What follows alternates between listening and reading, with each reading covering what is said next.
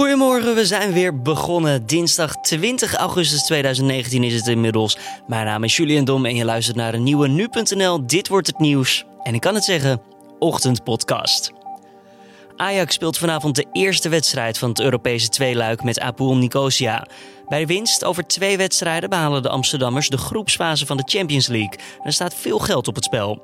Hoe kijkt het Cypriotische team naar deze wedstrijd? Ik heb uh, met een journalist uit uh, Cyprus gesproken, die werkt bij uh, een krant daar. En die zegt ook van, ja, ik zie het een beetje als David tegen Goliath. Van de kleine tegen de grote. En dan is Apwel natuurlijk de kleine en Ajax de grote. En of ze bang moeten zijn, dat bespreken we straks met Jeroen Bijma van de Nu.nl sportredactie. Eerst kort het belangrijkste nieuws van nu. Jeffrey Epstein heeft enkele dagen voor zijn zelfmoord een testament getekend. De multimiljonair verdacht van misbruik zou ruim 521 miljoen euro aan bezittingen hebben toevertrouwd aan een zogeheten trust.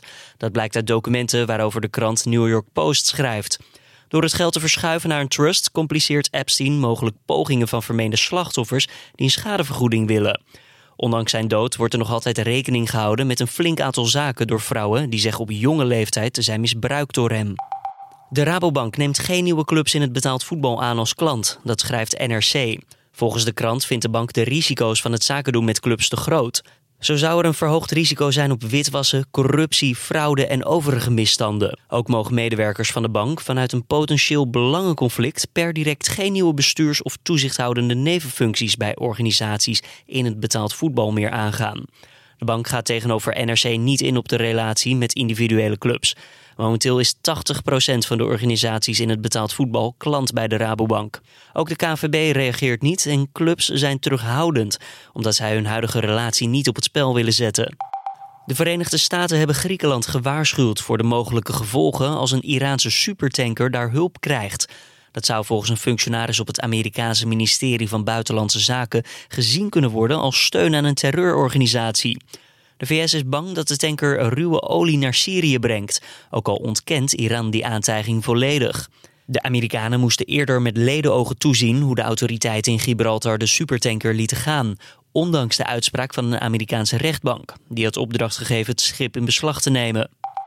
Een basketbalshirt van de Amerikaanse oud-president Barack Obama heeft meer dan 100.000 euro opgeleverd op een veiling. Obama droeg het kledingstuk met nummer 23 toen hij nog scholier was op Hawaii. Daar woonde hij vroeger. Het shirt zou zijn bewaard door iemand die naar dezelfde school ging en leverde meer op dan verwacht. Obama staat bekend als een groot liefhebber van de sport. Hij speelde als president regelmatig met medewerkers of bezoekers een potje basketbal ook. En dan gaan we naar het nieuwsonderwerp van deze dinsdag. Het gaat weer een Champions League avond worden.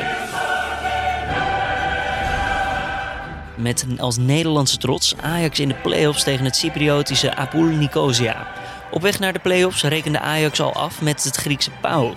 Die slopende wedstrijd speelden ze vorige week. Dit weekend speelden ze ook nog eens 90 minuten tegen VVV Venlo. Een wedstrijd die overigens relatief makkelijk gewonnen werd. Collega Carne van der Brink vroeg aan nu sportredacteur Jeroen Bijma of deze wedstrijden niet te kort op elkaar zitten. Ja, je zou zeggen van wel natuurlijk, er zitten maar een uh, paar dagen tussen. Maar je kan ook uh, zeggen, het is ook wel lekker om uh, zoveel te spelen in korte tijd. Want Ajax is toch nog een beetje zoekende, vooral op het middenveld. is het nog een, een puzzel voor trainer Erik ten Hag. Blind lijkt daarin wel een zekerheidje en Donny van der Beek ook. Maar die derde man, dat, daar wisselt hij wel vaak mee. Het ene keer is Masuri, dan weer Marien. Dus ja, door veel wedstrijden te spelen kan je ook zeggen van, kan je ook naar een vaste formatie toe werken. En als het goed gaat, dan doe je de volgende keer weer zo. Nou, er zijn natuurlijk belangrijke spelers ook op het middenveld weg. Uh, Frenkie de Jong, Barcelona natuurlijk, uh, Schöne, naar de Italiaanse competitie. Dat zijn toch spelers die je wel mist in dit soort wedstrijden, lijkt me. Ja, zeker uh, Frenkie, Frenkie de Jong natuurlijk. Van, dat was ja, de beste speler van Ajax vorig seizoen. ja, die vervang je niet. Dat is een utopie om die te vervangen. Dus moet je kijken hoe je het op andere manieren gaat invullen. Nou, Marien is een heel ander type. Marien heeft veel meer diepgang dan Frenkie de Jong. Uh, dat is natuurlijk een voordeel, maar Frenkie was verdedigend weer sterker. En juist het zwakste punt, uh, het zwakste punt van Ajax dit seizoen is vooralsnog dat uh, het verdedigend niet allemaal klopt. Want vooral in de omschakeling zijn ze echt ontzettend kwetsbaar. En ja, daar heeft, dat komt ook wel mede door Marien. Die heeft het verdedigen nog niet helemaal op orde. Nee, en dan mis je ook weer een ijsbreker zoals Matthijs de Licht in het, in het centrum van een verdediging. Ja, dat maakt natuurlijk ook een heel groot verschil. Ja, ook dat is nog uh, puzzelen voor Ten Hag. Van, tegen, vorige week tegen PAOK speelde hij met Veldman in het centrum en tegen VVV met Schuurs in het centrum. Maar ik verwacht dat Veldman vandaag speelt, want het is een belangrijke wedstrijd, een grote wedstrijd. En Veldman heeft meer ervaring dan Schuurs, dus uh, dat komt altijd van pas. En als je PAOK, de vorige tegenstander, en nu Apel Nicosia uh, naast elkaar zou leggen, uh, welke tegenstander is dan zwaarder of lastiger tegen te voetballen? ja, dat kun je moeilijk zeggen natuurlijk. ik volg niet elk weekend de Cypriotische competitie. Ik weet niet of jij dat doet. Nee, ik heb mijn momenten, maar op dit moment niet, nee. Ja, jij slaat ook wel eens een weekje ja, over. Zeker. Dus nee, maar uh, wat de kennis zeggen, zijn het wel uh, ongeveer vergelijkbare ploegen, PAOK en uh, Apuel. Alleen PAOK heeft echt wel meer kwaliteit.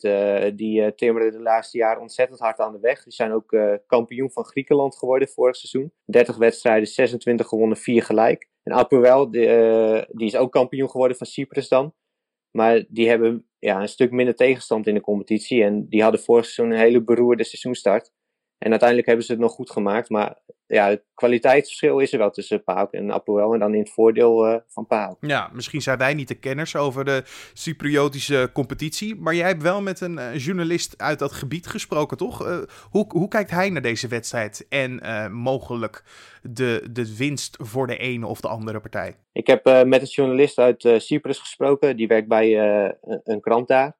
En die zegt ook van, ja, ik zie het een beetje als David tegen Goliath. Van uh, de kleine tegen de grote. En dan is Apoel natuurlijk de kleine en Ajax de grote. Uh, ja, hij ziet, uh, ziet de kansen van Apoel wel somber in. ze zijn erg onder de indruk daar van Ajax. Ook, dat komt natuurlijk door vorig seizoen. Iedereen weet natuurlijk dat Ajax de halve finales van de Champions League haalde. En eigenlijk ook in de finale had moeten staan.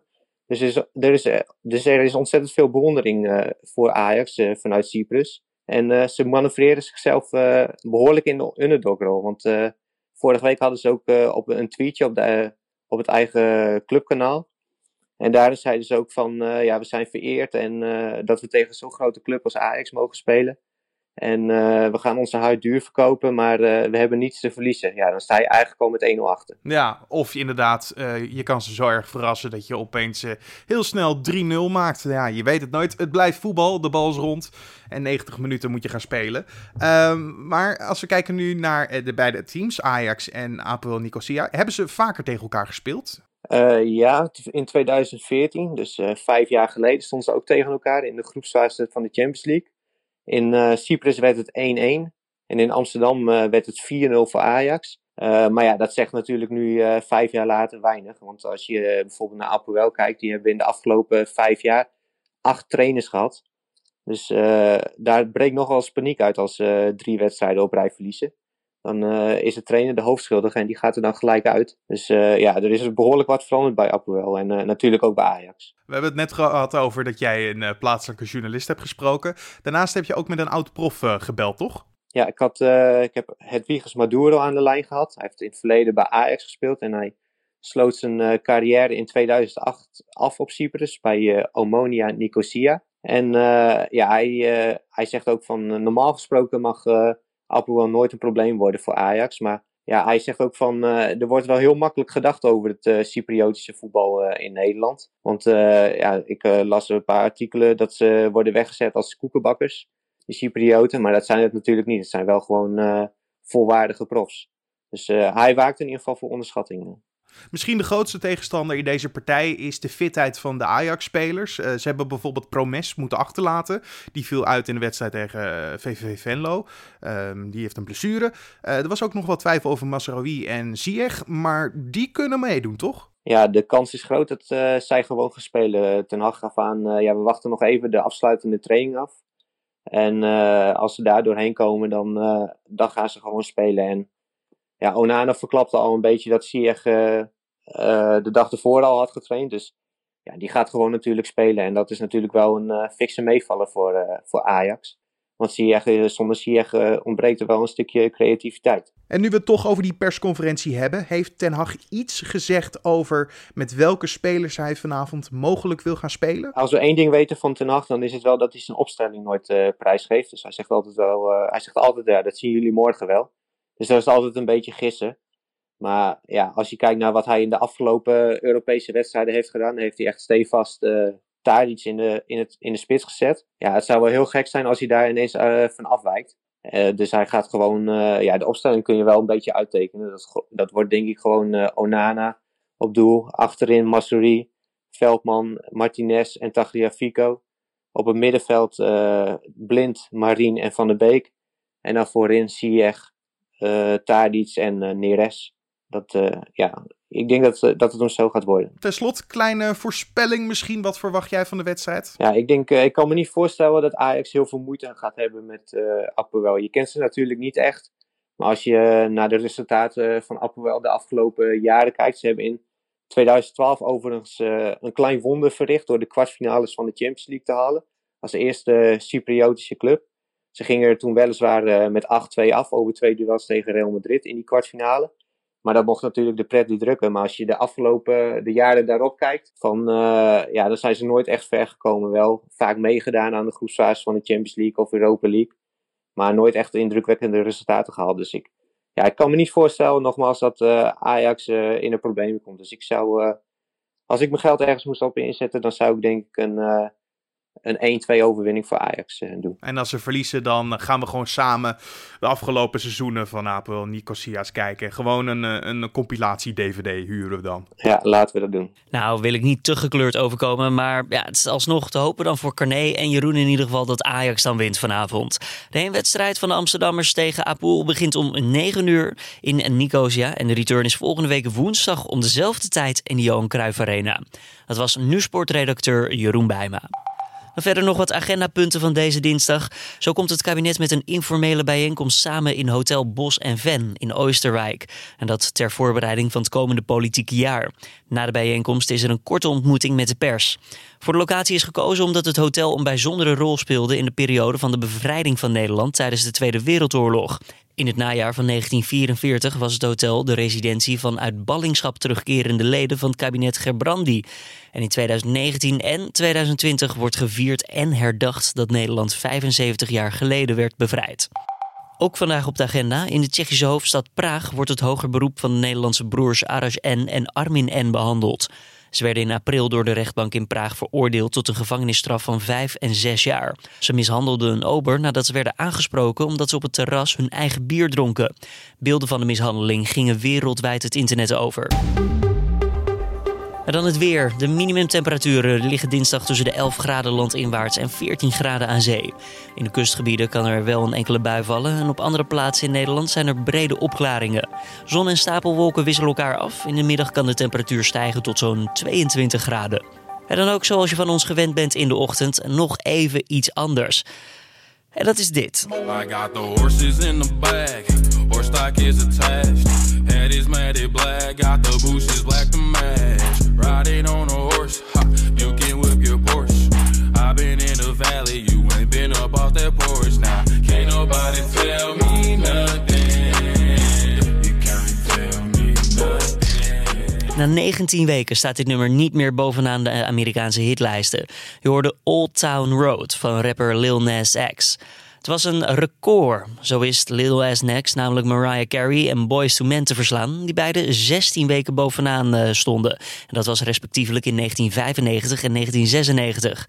Het nieuwe nummer 1, daar ben je misschien wel benieuwd naar. Dat is dit. So you're tough guy, like you really rough guy. Just can't get enough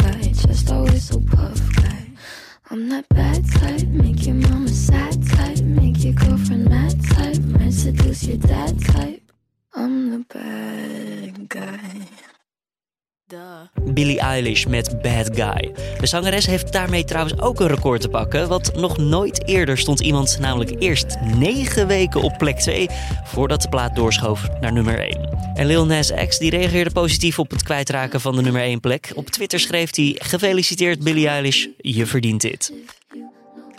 En dit was dan de Dit Wordt Het Nieuws podcast van deze dinsdag 20 augustus. Zoals gebruikelijk vind je ons weer elke maandag, dinsdag, woensdag, donderdag en vrijdagochtend om 6 uur ochtends.